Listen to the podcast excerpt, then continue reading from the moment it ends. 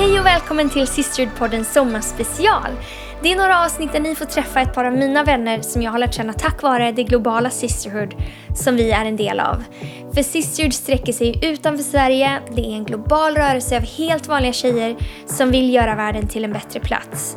Och det som slår mig är att vi är så otroligt olika. Men det som förenar oss är att vi väljer att se guld i varandra, vi väljer att inte tävla med varandra utan uppmuntra varandra eh, att springa vårt lopp helt enkelt. Och idag ska ni få träffa Debbie Vanderkolk. Hon är en tjej vars amerikanska ränder aldrig riktigt gått ur, trots att hon bott 10 år i London och nu tillsammans med sin man Richard är lead pastor i Hillsong Church Amsterdam.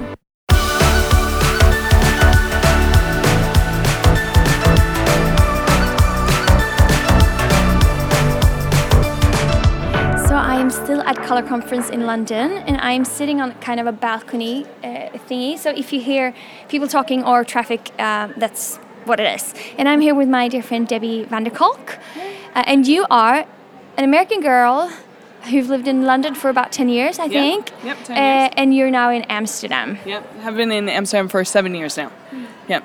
So So are you a Netherlands girl? Yeah, yeah. I, mean, I think I'm just confused. So um, so so yeah. So I have an American passport still, but a residency to live um, in the Netherlands, like permanent residency. So or permanent right to remain is what it's called. So um, so yeah, I'm there. I'm there. I'm all in. Yeah. And your husband, where is he from? So, so Richard is actually Dutch by blood, but was born and raised in Brisbane, Australia, and then moved back to um, London when he was 20, when 29, 28, and then um, and now he's back in the Netherlands. So, so he has two passports, Dutch and Australian, and I have an American. So, yeah, it's quite fun.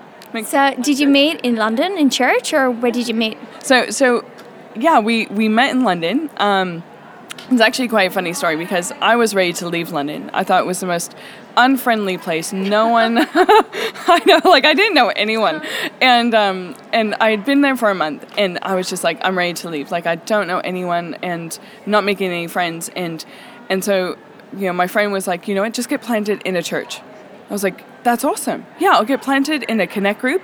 There, I can make some real friendships and, and stuff. So, so I went to um, a church called London CLC at the time.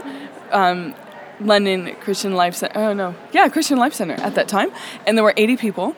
And um, and at the end of the service, I went to the information table, as you do, to inquire about um, connect groups. And the one connect group had just multiplied to two connect groups.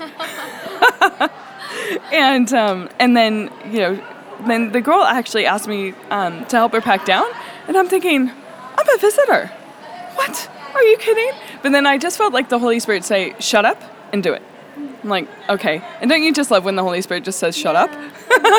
Happens to me all the time. And he's just like, "Shut up and do it." So I did. And then she's like, "Well, you know what? At least I like let me introduce you to your connect group later." I'm like, "Awesome." And she goes, "Well, he's in connect. He's in kids at the moment, but um, but I'll just you know I'll just grab him and, and stuff." And then, you know, about five minutes later, she introduces me to my husband, Rich. Wow. How fun is that? So when you saw him, did you did you think, you know, that's my man, or what did you think? Well, he would say yes, love at first sight, but totally not. no, no. Well, like I knew there was something about him, but I just um like, you know, it was the first time we had Yeah. met, but I knew there was something about him. Like God was moving. And um yeah, there was something about him, but he had to work. He had to work for me. Yeah, but he didn't have to work long. Like by the from meeting to marrying was 13 months. wow. Yeah, I wouldn't recommend that to anyone, but it was awesome in our case. Yeah. Sometimes if you know, you know. Yeah. Like, and if you really got to know each other, Yeah. and it worked well, because you have been married for how long now? We've been married for um, 16 years, going on 17. Well done. Yeah. Well done. oh, so obviously, why did you look for a church? Did you grow up as a Christian, or? No, so I I actually did not grow up as a Christian. So like my family, well, we would consider ourselves Christian, but actually like we um we would go to church at Easter, and that would be it. And maybe once in a while, I would convince my um, parents to take me to Sunday school or whatever. But um, but we really didn't grow up as a Christian family at all. And then uh, someone, some of my friends actually invited me to youth group um, when I was in junior high, so to say um, 13. And, and someone had invited me, and um, so I went because he told me that a popular girl was going. So I went, and then there was a cute boy from a different school, so I went back. well, any reason is good, hey? totally, totally. But seriously, like I had not even heard about the gospel before. And then was presented with the gospel, raised my hands, and then was talked through like, you know, what it is and stuff. And then you know how you kind of go on the journey of, of salvation and, and after that um had a had a summer where I was away from home and traveling and stuff. And then I came back my um, my freshman year of high school and just really knew that I wanted a change in my life and and I sat in my bedroom with the Bible in my hand and a tract, a four spiritual laws tract, which just basically went through the gospel. Like we're you know, we're all sinners.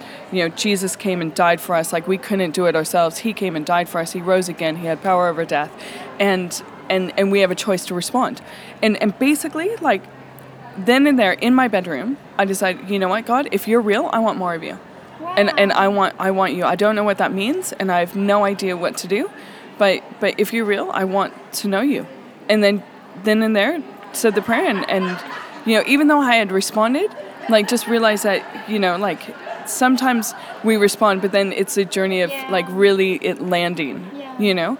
So um so yeah, and then got involved and got involved in, in the Baptist church and and got involved in the youth group and yeah, just becoming a youth group leader after that. Like totally brand new Christian was hilarious. so why did you move to London? Well, okay, so um, after university, I I wanted to be like, I just knew in when I was in junior high, like I knew I wanted to be a pastor's wife. I knew I wanted to be building God's house. Like there was just a, such a big sense of this is what I'll be doing for the rest of my life. I didn't know what that would look like. I had no idea um, where it would be.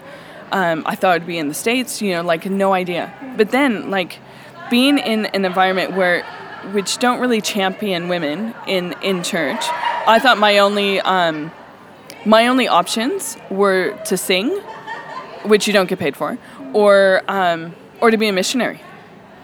And I'm like, okay, well, I, you know, I love Africa, but I'm not called to Africa, but but I do love Europe, and I, you know, maybe I'll just go to missionary school. So I went actually to um, London with YWAM, Youth with a Mission, and did a missionary school.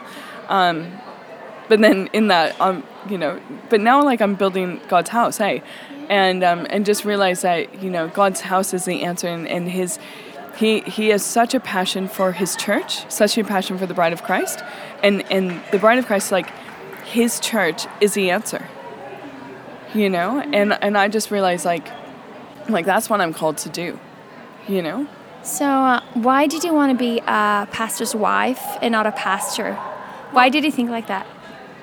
I, I, because that was my only option. Like in my thinking, like that was the only option. Yeah, you're totally right because, um, in in okay, so so giving away my age. So I'm 41. So so back in like the 80s, early 90s, like women were just not in ministry. Like there was no option. My options for career was basically um, a nurse, a teacher, missionary, uh, you know, but really nothing like as far as role models, like no one really stepping up to the plate. No one, re- you know, I, I don't do blood. I just ew, gross. Um, like, and I'm and I'm not very patient, so I'm not a very good teacher. So, so I was like, okay, what are you know, what are my options? And and I just knew I, w- I was going to be building God's house, but then in my thinking, I was like, well, the only way to do that is to be a pastor's wife. But I wasn't married. So I'm like, what do I do now? You know? And I was like, okay, then I'll go, I'll be a missionary. I'll, I'll go away. I'll, I'll leave the States and I'll go and, and do something else. And then, you know, then God brought Rich.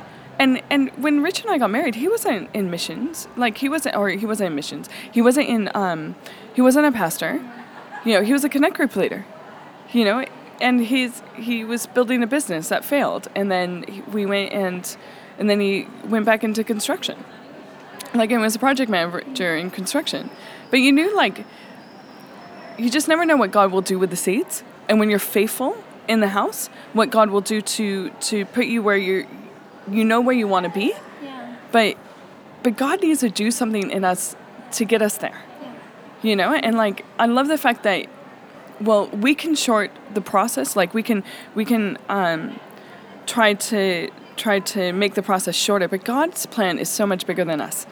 And if we actually shortcut the process we actually can do damage in the future. And i love like i don't love because it it's a lot of hard work and and it's a lot of pain. And you know you like refinement and servanthood and awesome. You know like I, I i set up and packed down the foyer in london for i think seven years you know set up and pack down set up and pack down set up and pack down set up and pack down set up and pack, like consistently for years Did you ever think you'd do anything else? well Or did you care? Well, not not really, because I just wanted to be faithful with what was in my hand.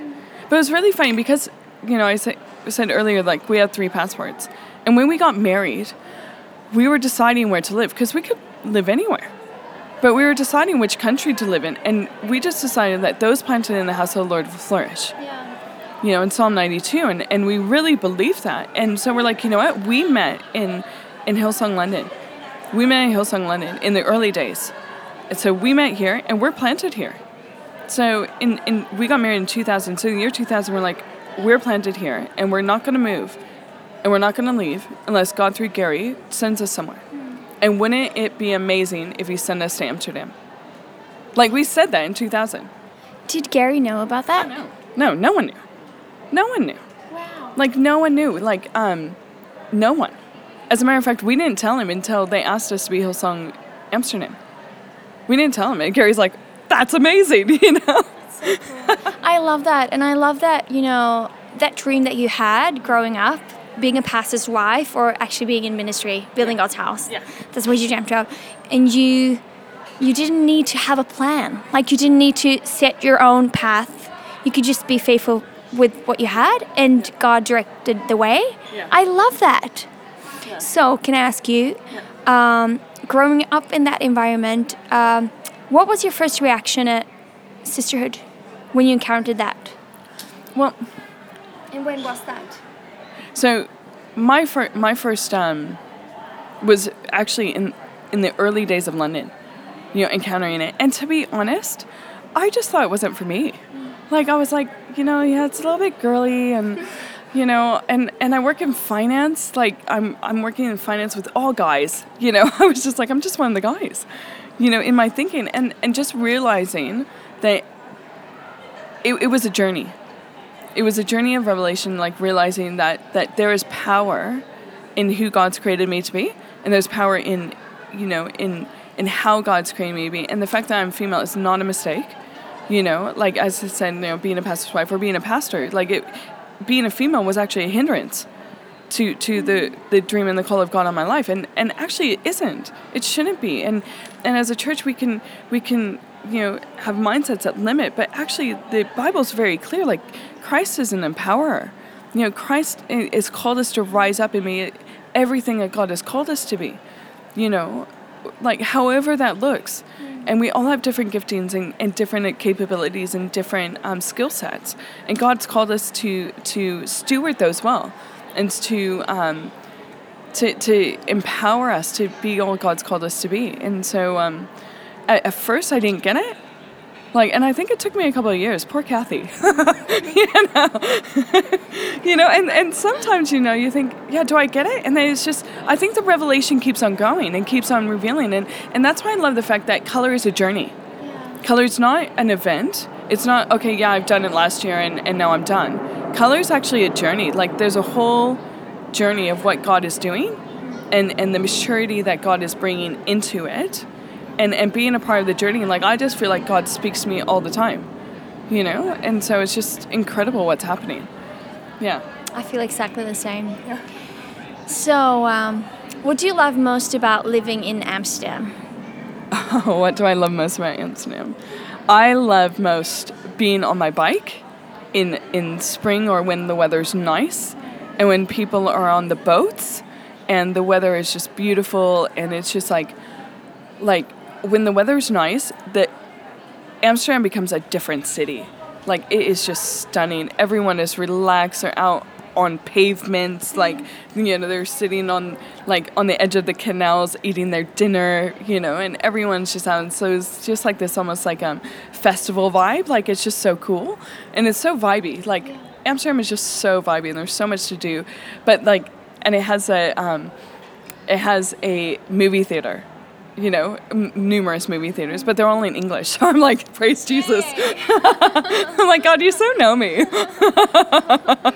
well, us, we, the Swedish people can actually relate to what happens when the sun comes out. Yes. We transform into nice beings, so we know exactly that. When spring arrives, everything is awesome. I know. It's like all of a sudden, like, but it's so funny because all of a sudden, like, people have Insta tans. it's like they, they go and they just, like, Comes from a bottle. I'm like, how did that happen? it was like one day sun. Oh, you have to do what you can do, I guess. so, uh, if you could give an advice to yourself 10 years ago, what would that be? I would say, relax. God has this. The journey may not look the way that you think it will, but that's okay because He is faithful and He He knows and He's got your back. Like you could just trust in Him and He's got your back. Yeah. That's a really good advice. I could sit here talking to you forever, and we might continue on another podcast. But thank you so much for being with me today on the Sisterhood podcast. Thank you, Debbie. Thank you so much for having me, Lena. I just love you and I just love everything that you guys are doing in Stockholm. Debbie är en livsnjutare som ofta cyklar runt Amsterdam på väg till kontoret eller till kyrkan. Eller har fester för nya kyrkan på en båt på kanalen. Men allt är inte enkelt. Förra året gick hennes egen mamma bort i cancer. Och Richards pappa gick bort i en annan sjukdom. Och dessutom kämpar hon med andra utmaningar som hon får berätta om själv. Kanske blir det en annan podd. Men hon fortsätter obevekligt framåt. Hon har insett att när hon är svag, då är Gud stark åt henne. Vilket ger henne en styrka som tar henne igenom alla svårigheter och utmaningar.